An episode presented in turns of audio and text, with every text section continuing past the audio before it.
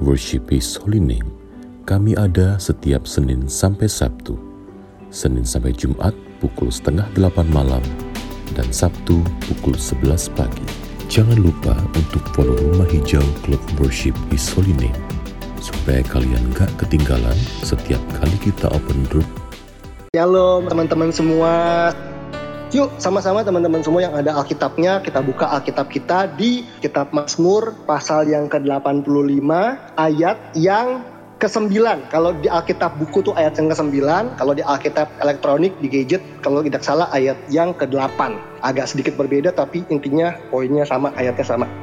Nah, firman Tuhan tuh bilang begini, Aku mau mendengar apa yang hendak difirmankan Allah, Tuhan. Bukankah ia hendak berbicara tentang damai kepada umatnya dan kepada orang-orang yang dikasihinya supaya jangan mereka kembali kepada kebodohan?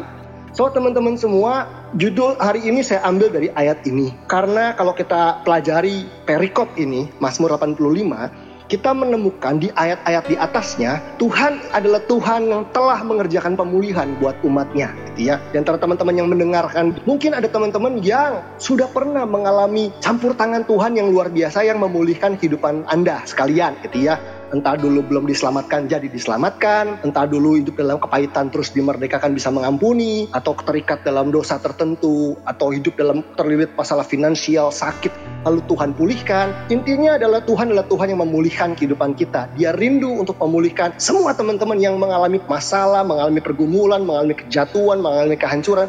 Dia Tuhan yang rindu untuk memulihkan. Masalahnya setelah pemulihan terjadi, hidup kita nggak langsung baik-baik saja setelah pemulihan terjadi bukan berarti sesuatu yang buruk nggak bisa terjadi dalam hidup kita. Justru ditegaskan bahwa kita perlu mendengar apa yang hendak difirmankan Tuhan. Karena Tuhan ingin bicara tentang sesuatu yang membawa damai sejahtera, membawa shalom dalam hidup kita, dalam hati kita kepada orang-orang yang dikasihnya yaitu kita. Supaya apa? Supaya waktu hidup kita dipimpin oleh firman Tuhan ya jangan sampai kita kembali kepada kebodohan. Teman-teman semua mungkin ada yang pernah punya pengalaman ini ataupun mungkin ada orang-orang di sekitarnya yang juga pernah punya pengalaman kembali kepada kebodohan. Nah teman-teman tentunya kembali kepada kebodohan itu nggak enak banget. Tentunya itu bukan sesuatu yang diharapkan oleh kita, tentu juga tidak diharapkan oleh Tuhan yang mengasihi kita. Karena kembali kepada kebodohan itu membawa sebuah resiko yang serius banget yang kita akan bahas nanti. Nah, tapi sebelum kita lebih jauh lagi gitu ya membahas soal tema ini kembali kepada kebodohan, saya mau bilang satu hal dulu nih untuk menjadi sebuah hal yang kita perlu catat sama-sama bahwa semua orang bisa kembali pada kebodohan.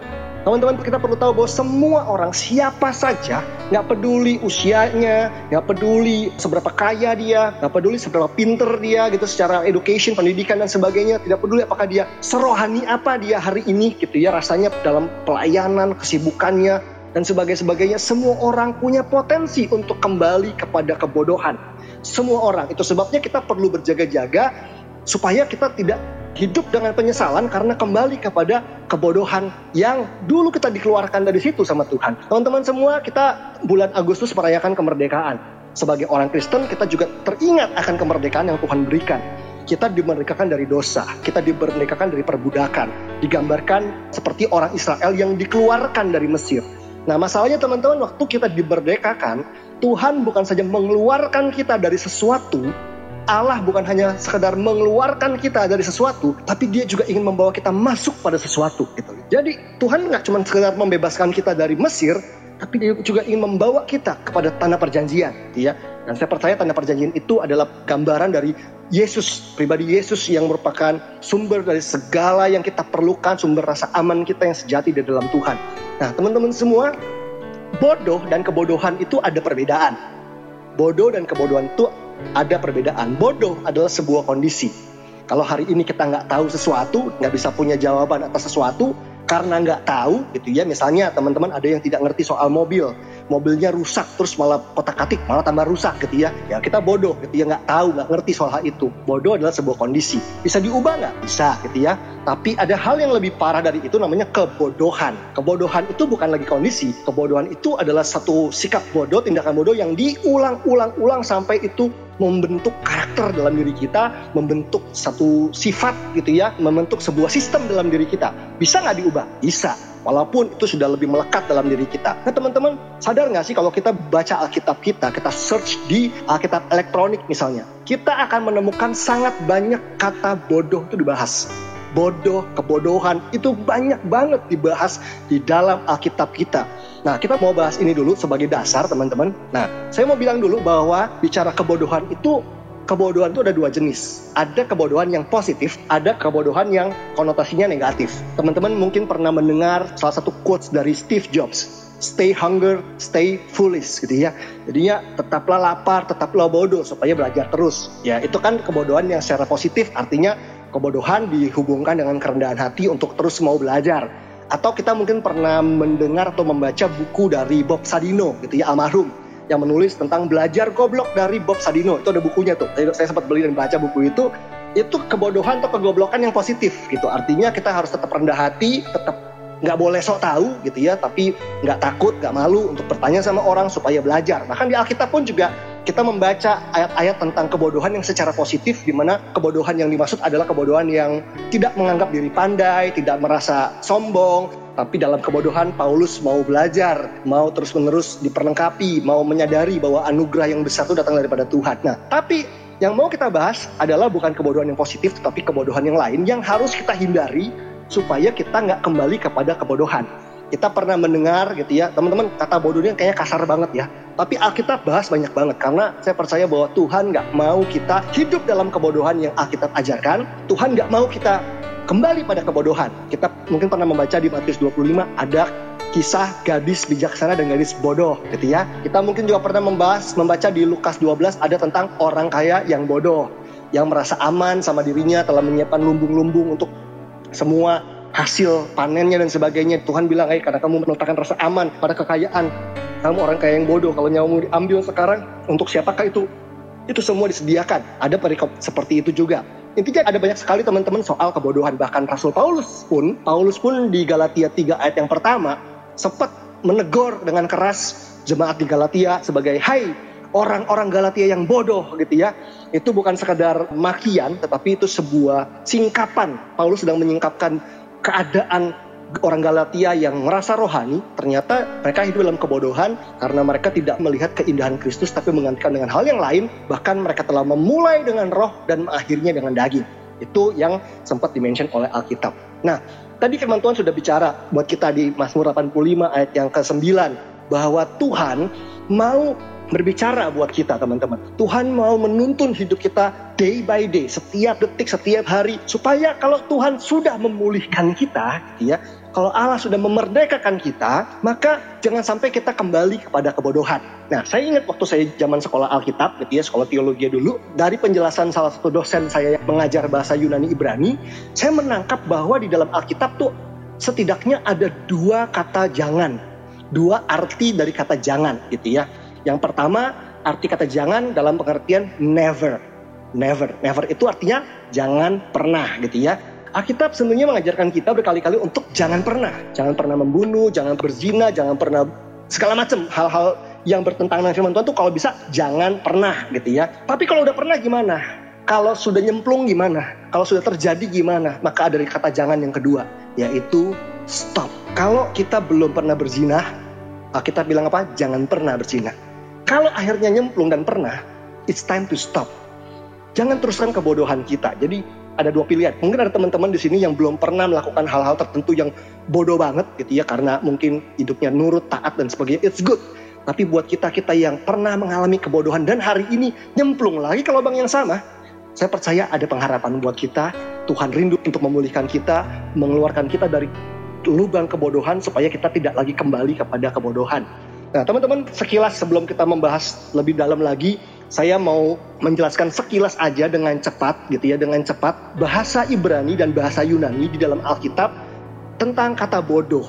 Kata bodoh itu ada dalam bahasa Ibrani itu digunakan di Perjanjian Lama tapi bahasa Yunani digunakan di perjanjian baru. Nah saya coba iseng-iseng cari, mungkin ini juga nggak lengkap-lengkap banget, tapi saya punya menemukan ada tiga kata dalam bahasa Ibrani, ada tiga kata dalam bahasa Yunani yang nanti bakal kita bisa hubungkan dengan poin-poin berikutnya. Teman-teman, kata bodoh dalam bahasa Ibrani ada tiga kata. Yang pertama bacanya mungkin evil gitu ya, E E V I Y L, evil gitu ya. Evil itu adalah one who despises wisdom. Orang yang menepis, mengabaikan, merendahkan, meremehkan hikmat gitu ya. Evil gitu. Itu kata bodoh yang pertama artinya itu. Orang yang merendahkan, meremehkan hikmat. Yang kedua, kata Ibrani yang kedua namanya yaitu kesil, kesil. Mungkin kesel gitu kali ya, kesil. Kesil itu the arrogant one gitu ya. Seorang yang arogan, sombong. Dari kata kesil muncul kata kislah, confident gitu ya. Jadi berhubungan dengan kepercayaan diri yang nggak sehat gitu ya. Overconfident jadinya sombong.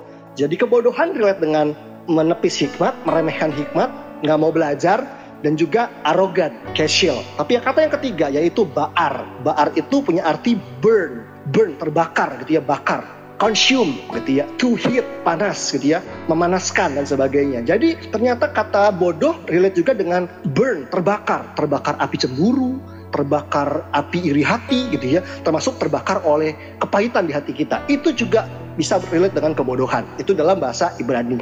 Dalam bahasa Yunani ada tiga kata juga gitu ya. Yang pertama adalah apron.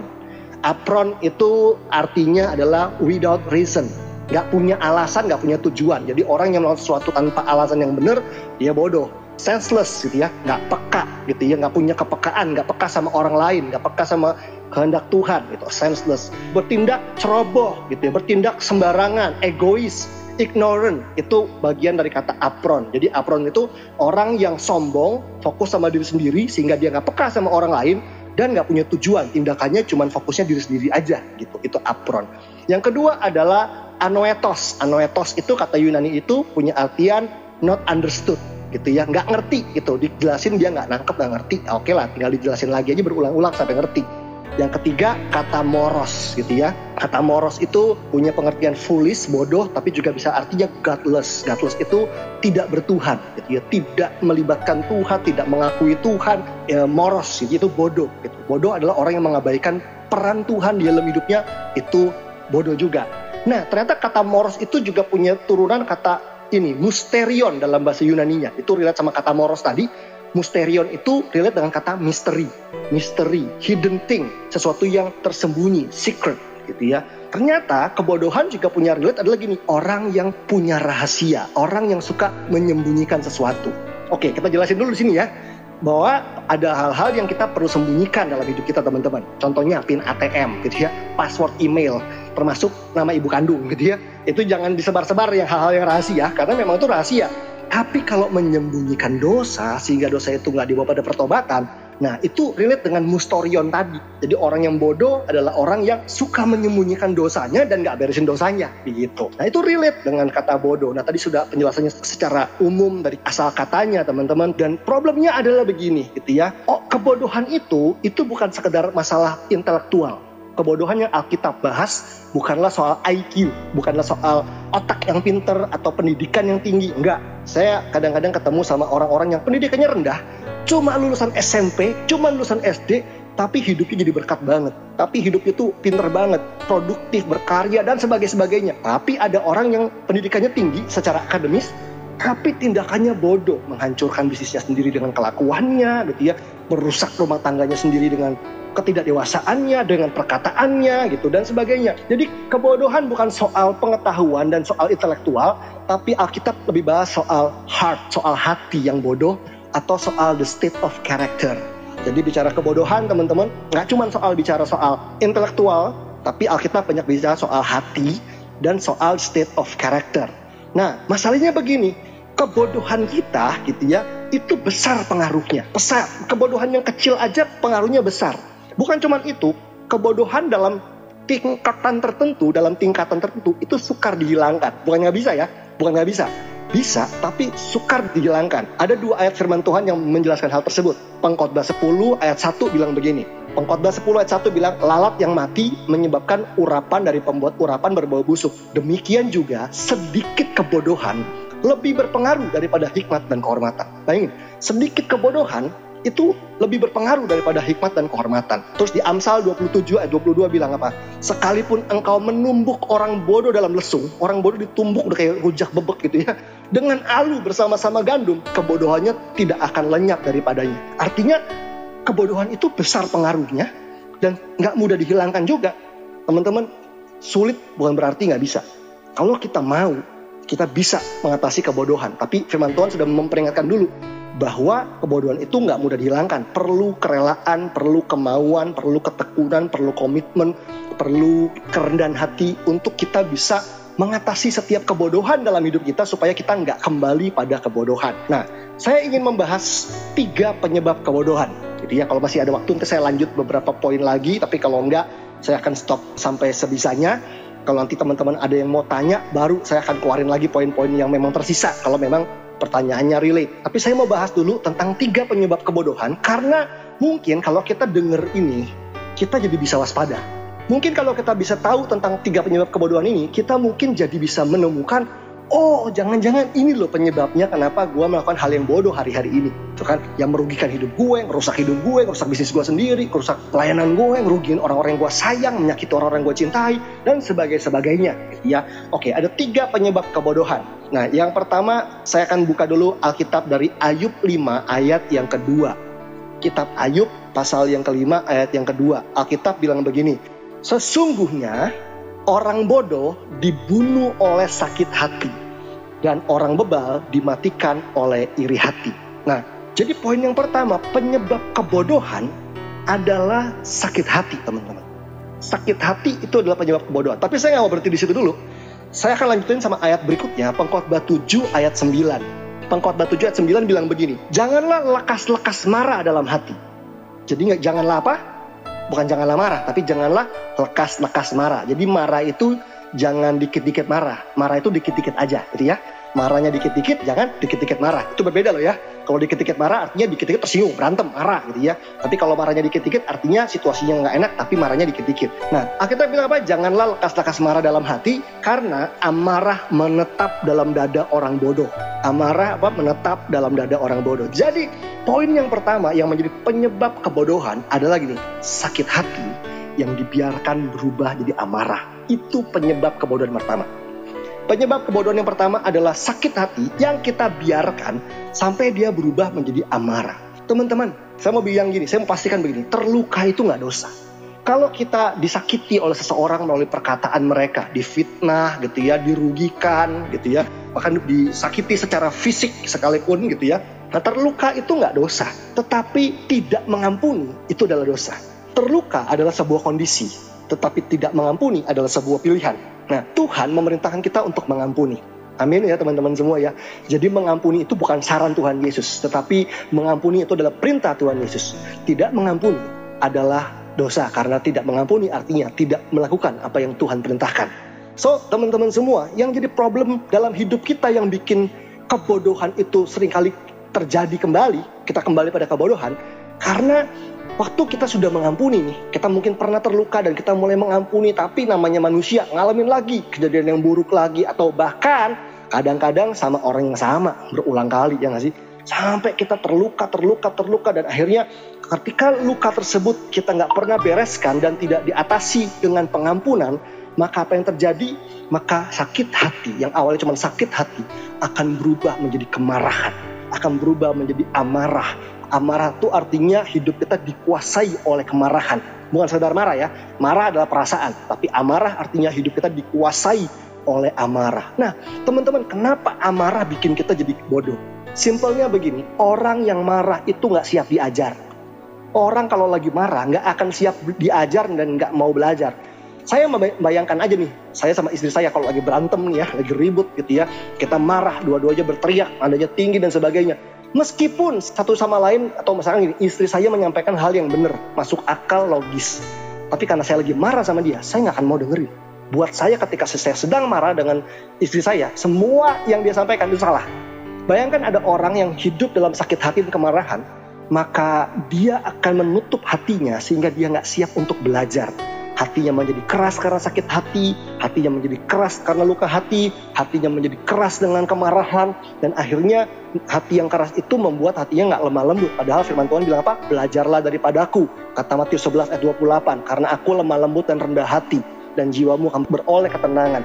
Untuk belajar dari Tuhan kita perlu yang namanya kelemah lembutan dan kerendahan hati supaya kita bisa diajar. Tapi iblis ingin tabur benih-benih kepahitan dan kebencian dalam hati kita, dalam hidup kita supaya hati kita tuh jadi keras dan kita melakukan hal yang bodoh.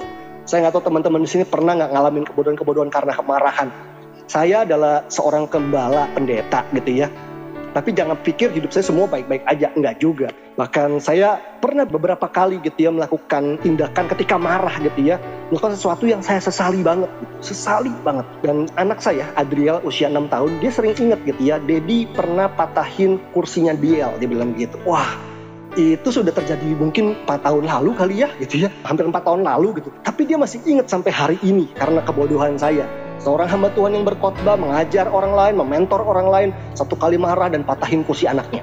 Bahkan bukan cuma itu, satu kali saya waktu awal-awal pernikahan pernah bertengkar sama istri saya, dia pulang kantor sore-sore, itu ada satu rantang makanan gitu ya, mama saya kasih ada nasi, ada sayur sop, ada sayur apa gitu ya, tiga empat tumpuk gitu ya. Karena saya marah gitu ya, saya pukul itu rantang sampai bececeran semua di lantai gitu ya, itu namanya nasi, sayur sop, sayap ayam masuk kolong dan sebagainya gitu ya.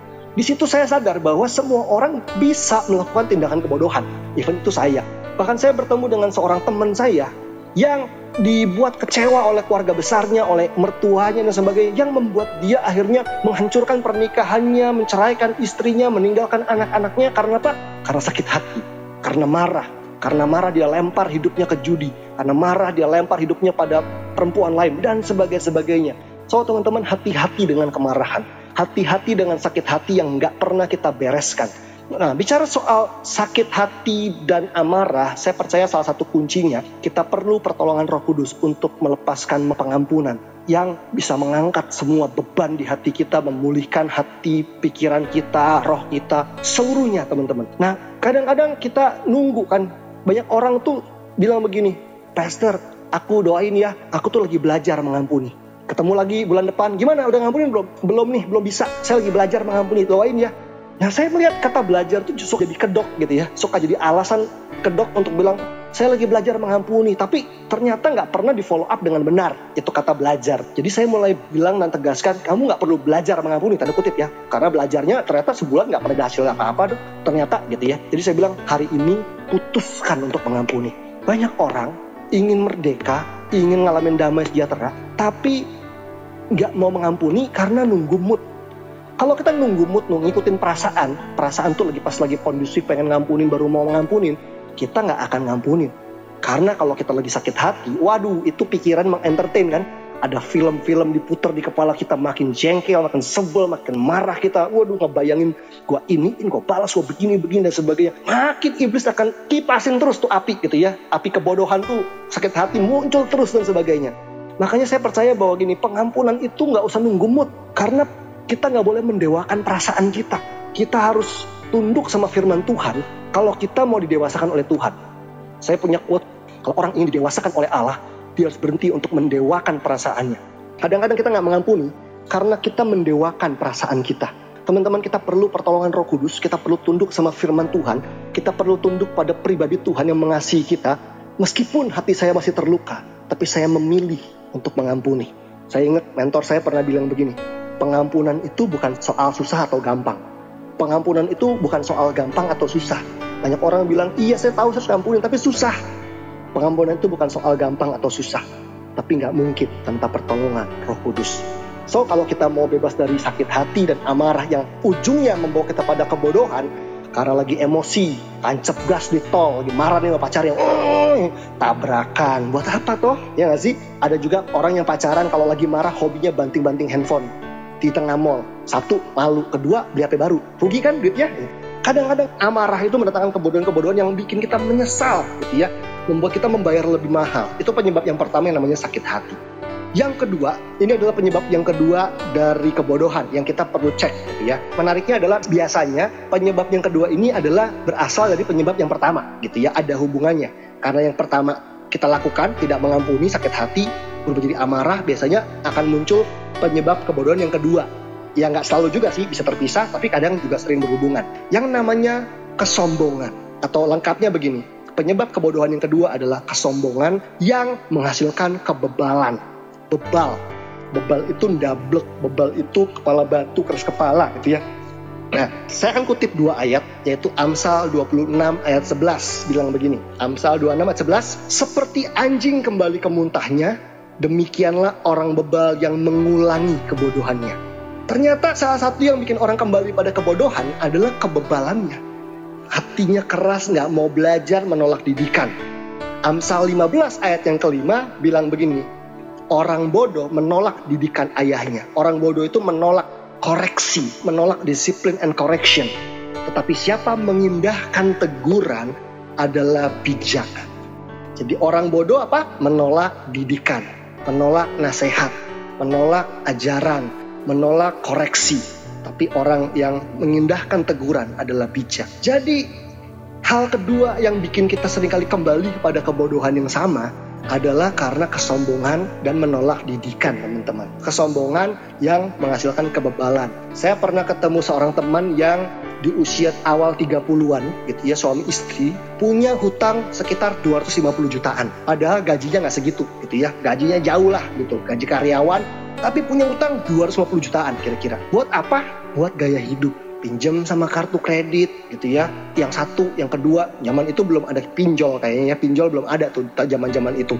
Terus pinjam sama temen, pinjam sama tante, pinjam sama sepupu, pinjam sama teman pelayanan di gereja, satu, dua, tiga, empat, sampai ketahuan. Wah, utangnya banyak, kalau ditagi, tanda kutip sorry banget ya kata ini ya kayak pura-pura bego, pura-pura nggak balas, pura-pura nggak ini. Tak kalau di gereja ketemu hal yang luya, shalom dan sebagainya. Sampai akhirnya mau nggak mau ya kita tindak lah ya, kita tegur, kita koreksi dan sebagainya. Yang terjadi nggak mau. Yang terjadi adalah dia marah, dia meninggalkan gereja karena malu, jual aset gitu ya, jual apartemen gitu ya, terus bayar utangnya nih. Gue bayar semua utang gue, biar nggak usah pada ikut campur semua, nyampurin urusan gue gitu ya. Padahal orang-orang ikut campur kenapa? Ya karena utangnya sama orang lain gitu. Orang-orang yang diutangin kan dirugikan begitu akhirnya ya udah gitu ya. Saya cuma berdoa supaya hidup mereka baik-baik gitu dipulihkan dan jangan sampai kembali ke masalah yang sama. Setelah dua tahun setengah kira-kira saya ketemu salah satu saudara dari mereka terus ngobrol-ngobrol saudaranya nanya eh masih inget nggak saudara gue yang ini gitu yang dulu pernah di gereja lu? Gitu. Oh iya gimana kabarnya? Tahu nggak? gitu ya. Utangnya lebih banyak dari yang waktu itu. Waduh gitu ya langsung teman-teman roh kepo saya muncul. Pengen tahu kan berapa ya cuman nggak berani ngomong gitu ya. Masa gosip gitu ya saya diem aja. Terus dia nanya lu mau tahu nggak berapa? Sih cuma senyum aja gitu ya nggak berani ngangguk gimana diem aja. Utangnya 400 jutaan. Waduh kemarin tuh 250 juta aja udah sesak napas gitu ya. Sampai jual aset. Sekarang aset udah nggak ada punya utang lagi untuk case yang sama. Gaya hidup boros coba restoran baru liburan dan sebagainya beli gadget baru, punya utang hampir dua kali lipat, 400 juta. Nah teman-teman, kesombongan yang menghasilkan kebebalan itu salah satu sumbernya.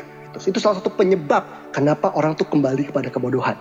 Seandainya hari itu teman kami ini mungkin mau mendengarkan teguran dan nasihat, mulai dibimbing baik-baik, dimentor baik-baik, mungkin 400 juta nggak akan utang per juta nggak perlu muncul lagi, nggak perlu terjadi lagi. Tapi itu dia, kadang-kadang kita kalau ditegur suka merasa apa? Tolong jangan hakimi gue.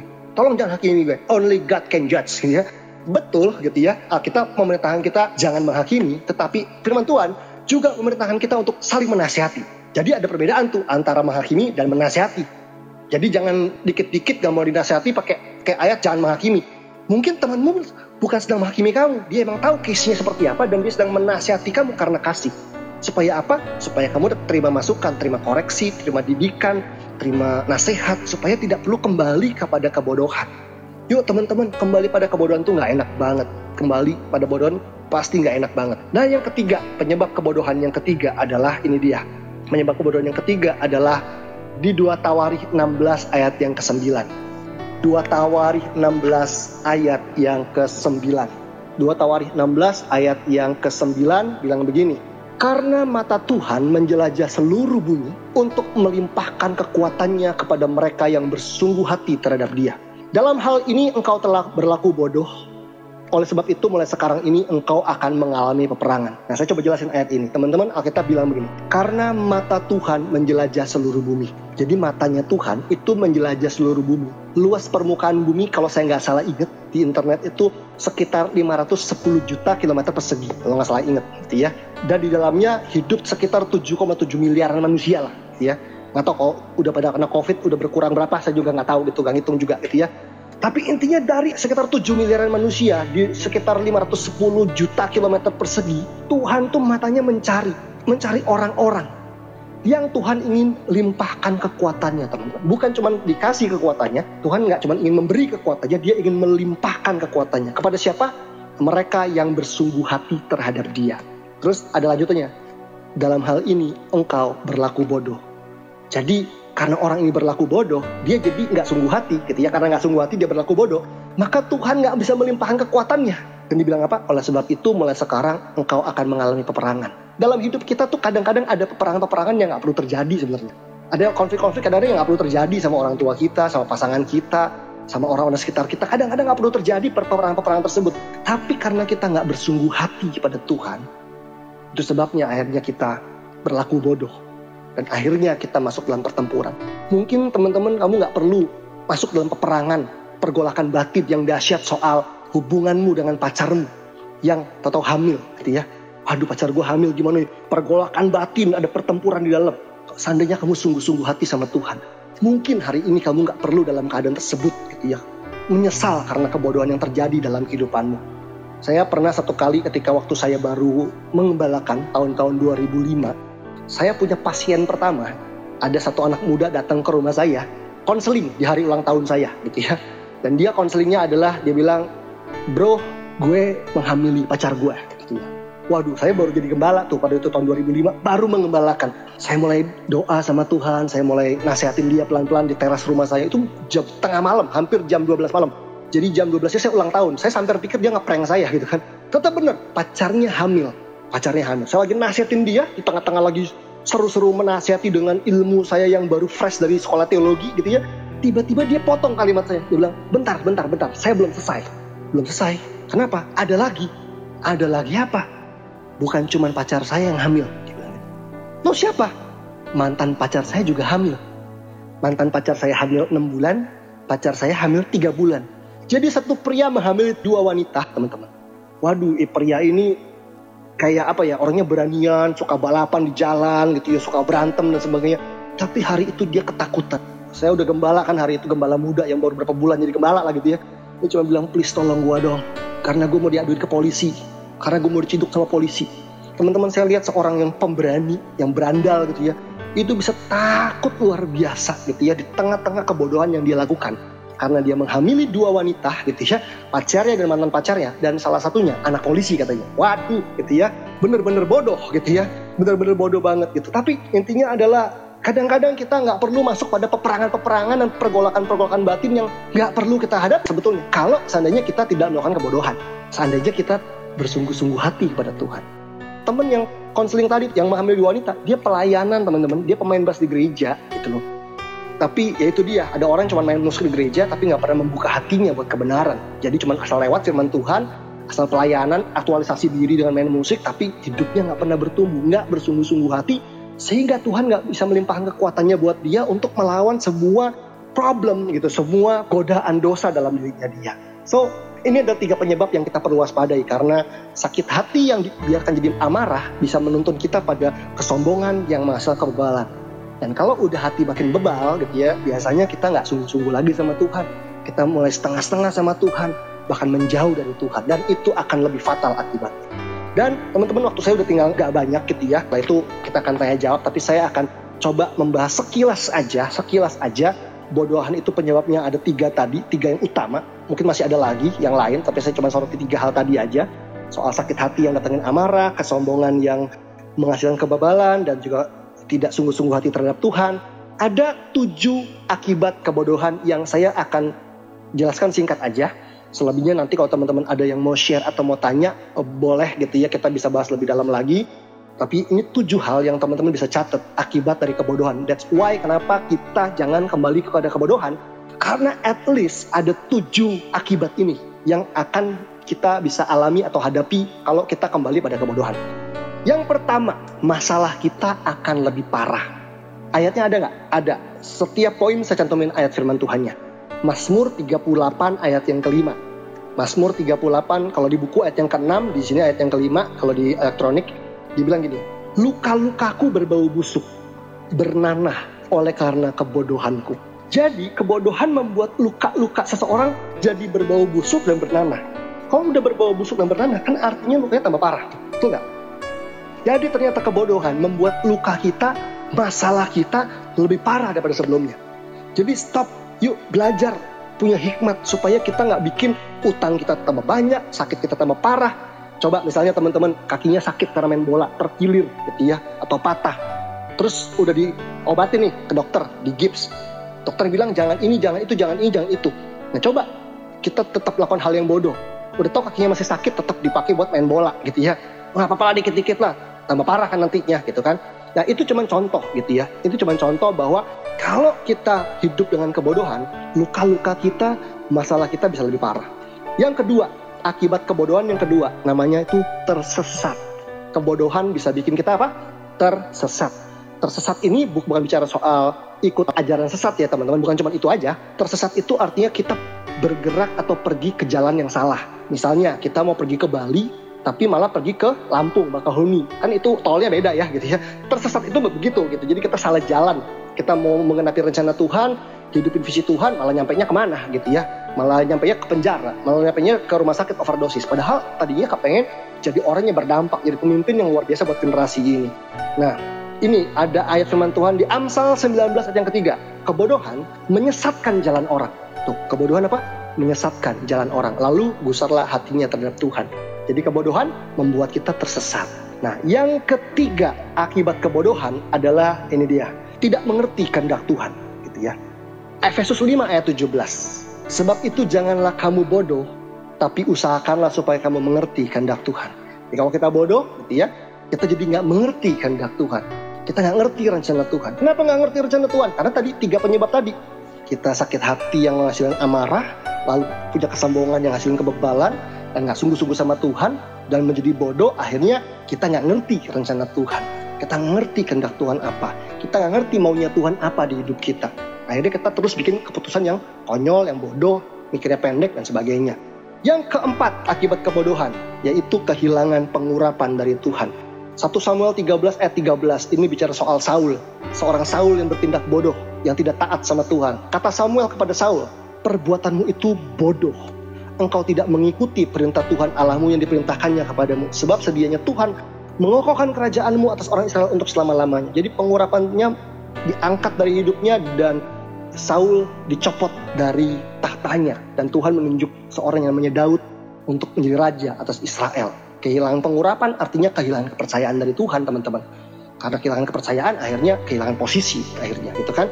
Yang kelima, akibat kebodohan yang kelima adalah mengalami perbudakan. Hidup dalam perbudakan mau perbudakan hutang ya bisa, mau perbudakan dosa ya bisa gitu ya, perbudakan emosional ya bisa. Pernah ngalamin nggak? Karena keputusan yang bodoh kita jadi dikuasai ketakutan, wah sampai stres gak karu-karuan. Padahal Tuhan mau kasih kita damai sejahtera. Amsal 11 ayat 29, siapa yang mengacaukan rumah tangganya akan menangkap angin. Orang bodoh menjadi budak orang bijak. Orang bodoh apa? Akan menjadi budak orang bijak. Jadi kebodohan ya identik dengan perbudakan gitu. Yang keenam, mengalami kematian atau kehancuran. Mati mungkin nggak semua ngalamin kematian, tapi kata mati juga bisa berarti destroy gitu ya. Amsal 10 ayat 21, bibir orang benar mengembalakan banyak orang, tetapi orang bodoh mati karena kurang akal budi. Orang bodoh hancur karena kurang akal budi. Jadi kehancuran. Kehancuran bisnis, kehancuran rumah tangga, kehancuran pelayanan, segala macam. Sehatan yang hancur itu karena kurang berakal budi gitu ya. Bahkan kalau nggak salah juga ada satu ayat firman Tuhan, Amsal 14 ayat yang pertama bilang perempuan yang bijak mendirikan rumahnya, tetapi yang bodoh meruntuhkannya dengan tangannya sendiri. Bayangin ya. Jadi orang yang bodoh itu meruntuhkan apa yang dia bangun dengan tangannya sendiri. Nah, yang ketujuh, yang terakhir adalah berjalan dalam kegelapan. Jadi akibat dari kebodohan, orang itu akan berjalan dalam kegelapan. Pengkhotbah 2 ayat 14 bilang apa? Mata orang berhikmat ada di kepalanya, sedangkan orang yang bodoh berjalan dalam kegelapan. Orang yang bodoh berjalan dalam kegelapan. Tapi aku tahu juga bahwa nasib yang sama menimpa mereka semua. Jadi orang yang bodoh akan berjalan dalam kegelapan. Orang yang berjalan dalam kegelapan, teman-teman, hidupnya tuh nggak tahu apa-apa. Gak bisa lihat apa-apa di depannya. Bayang gak sih? Hidupnya nggak tahu apa-apa. Hidup dalam ketidaktahuan, nggak tahu akan tujuan, nggak tahu akan masa depan. Wah itu tuh bener-bener hidupnya nggak mana-mana ya. Kebodohan tuh akibatnya itu. Mau nggak kita hidupnya stuck? dari umur 20 tahun sampai umur 40 tahun sampai umur 50 tahun hidupnya gitu gitu aja nggak maju nggak berbuah nggak berdampak nggak ada prestasi nggak produktif nggak ada achievement nggak ada kesaksian Gak mau kan berjalan dalam kegelapan. Tapi Tuhan mau kita keluar dari kebodohan. Bahkan kita teman-teman yang sudah terlanjur mungkin karena kesalahan kita, kita kembali pada kebodohan. Saya percaya Tuhan bisa memulihkan kehidupan kita. Tuhan ingin, Tuhan rindu malam hari ini kita datang sama Tuhan dengan hati yang terbuka untuk diangkat dan dipulihkan dan diubahkan sama Tuhan. Pada akhirnya saya mau tutup dengan kalimat ini setelah ini saya selesai teman-teman semua. Satu hal yang saya selalu ingat dari seorang tokoh yang saya kagumi. Tokoh kepemimpinan namanya John C. Maxwell. Udah tua banget. Saya lupa umur berapa beliau sekarang udah hampir 70 something. Dia sering sekali mengucapkan kalimat ini di buku-bukunya maupun di khotbahnya atau di momen dia mengajar. Dia bilang begini, banyak orang sering kali bilang pengalaman adalah guru yang terbaik. Betul nggak teman-teman pernah dengar ya? Banyak orang sering bilang belajar dari pengalaman, pengalaman itu guru yang terbaik. Lalu John Maxwell melanjutkan, tahu nggak pengalaman bukanlah guru yang terbaik. Bukan. Kalau pengalamanmu salah gitu ya, terus kamu belajar yang salah dari pengalaman tersebut, maka kamu ngulang-ngulang lagi. Kamu akan mengulangi kesalahan yang sama. Terus dia bilang begini di kalimat terakhirnya, tetapi pengalaman yang dievaluasi. Itulah guru yang terbaik. So teman-teman artinya begini, pengalaman bukanlah guru yang terbaik, tetapi pengalaman yang dievaluasi itulah guru yang terbaik. Dan saya berharap begini teman-teman, kita mungkin pernah punya pengalaman di masa lalu. Kehancuran, kejatuhan, ya sesuatu yang benar-benar kita nyesel banget. Kita dipulihkan sama Tuhan. Eh sudah dipulihkan kita melakukan hal yang sama lagi. Berarti kita nggak belajar dari pengalaman. Berarti kita sering kali nggak belajar dari kejatuhan yang dulu atau kehancuran yang dulu. Saya ingat seorang bernama Pastor Rick Warren pernah bilang gini, don't waste your pain. Jangan sia-siakan rasa sakit yang kamu alami di masa lalu oleh karena kebodohanmu, oleh kehancur apa kejatuhanmu dan sebagainya. Don't waste your pain. Belajarlah. Saat kamu terluka adalah saat untuk belajar. Saat kami mengalami kejatuhan adalah saat untuk kamu berubah dan kamu belajar. Katanya ada two kinds of pain gitu ya. Katanya ada dua macam rasa sakit dalam hidup ini. Yang pertama pain of regret, rasa sakit karena penyesalan. Karena melakukan hal yang bodoh, kita menyesal. Sakitnya tuh di sini gitu ya. Tapi ada rasa sakit yang kedua yang namanya pain of discipline. Rasa sakit karena kita mendisiplin diri. Kita bayar harga untuk menjadi pribadi yang lebih baik, yang lebih kuat, yang lebih pinter gitu ya, yang lebih ngerti gitu ya. Supaya kita nggak hidup dalam perbudakan. So, pengalaman bukanlah guru yang terbaik, tapi pengalaman yang dievaluasi adalah guru yang terbaik. Dan doa saya malam hari ini adalah supaya teman-teman yang sedang ada di titik nol. Kalau engkau hari ini ada di titik nol, di dalam titik terendah dalam hidupmu oleh karena kebodohan yang kamu lakukan kembali, kejatuhan yang terjadi lagi, terjadi lagi. Saya cuma mau bilang begini, pada akhirnya, teman-teman, kejatuhan itu cuma kemungkinan, bukan kepastian. Sekali lagi ya, kejatuhan itu cuma kemungkinan, bukan kepastian. Ada ayat firman Tuhan yang bilang begini di Mazmur 37 kalau nggak salah. Tuhan menetapkan langkah-langkah orang yang berkenan kepadanya. Terus gini, koma, apabila ia jatuh. Ini lagu rohani zaman dulu nih. Ini zamannya Kobeni nih kayaknya, ya kok? Jakoben ya. Ada lagunya begini nih, kalau teman-teman generasi Hillsong saya nggak tahu ya. Tuhan menetapkan langkah-langkah orang yang hidupnya berkenan kepadanya Apabila ia jatuh tak sampai tergeletak. Teman-teman, apabila itu kemungkinan, bukan kepastian. Artinya gini, kamu mungkin bisa jatuh, tapi kamu nggak pasti jatuh. Kamu punya pilihan kok untuk nggak jatuh kembali. Nah buat teman-teman yang sudah jatuh gitu ya, yang sedang dalam kejatuhan, yuk bangkit. Yuk jangan kembali pada kebodohan. Wake up gitu ya, bangkit Tuhan memulihkan kehidupanmu. Jangan bilang fatal, udah fatal. Eh, Tuhan bisa ubah apa yang gak bisa diubah sama manusia? Asalkan kamu mau membuka hati buat apa yang Tuhan mau kerjakan dalam hidupmu. Jangan batasi Tuhan dengan cara dia menolongmu karena caranya Tuhan tuh selalu kreatif. So buat teman-teman yang udah lolos dari kejatuhan gitu ya udah dibangkitin sama Tuhan yuk belajar sungguh-sungguh. Upgrade diri kita terus bertumbuh supaya kita nggak kembali pada kejatuhan nggak kembali kepada kebodohan. Supaya kita akhirnya bisa terus maju mengenapi rencana Tuhan dan menjadi berkat bagi banyak orang. Amin.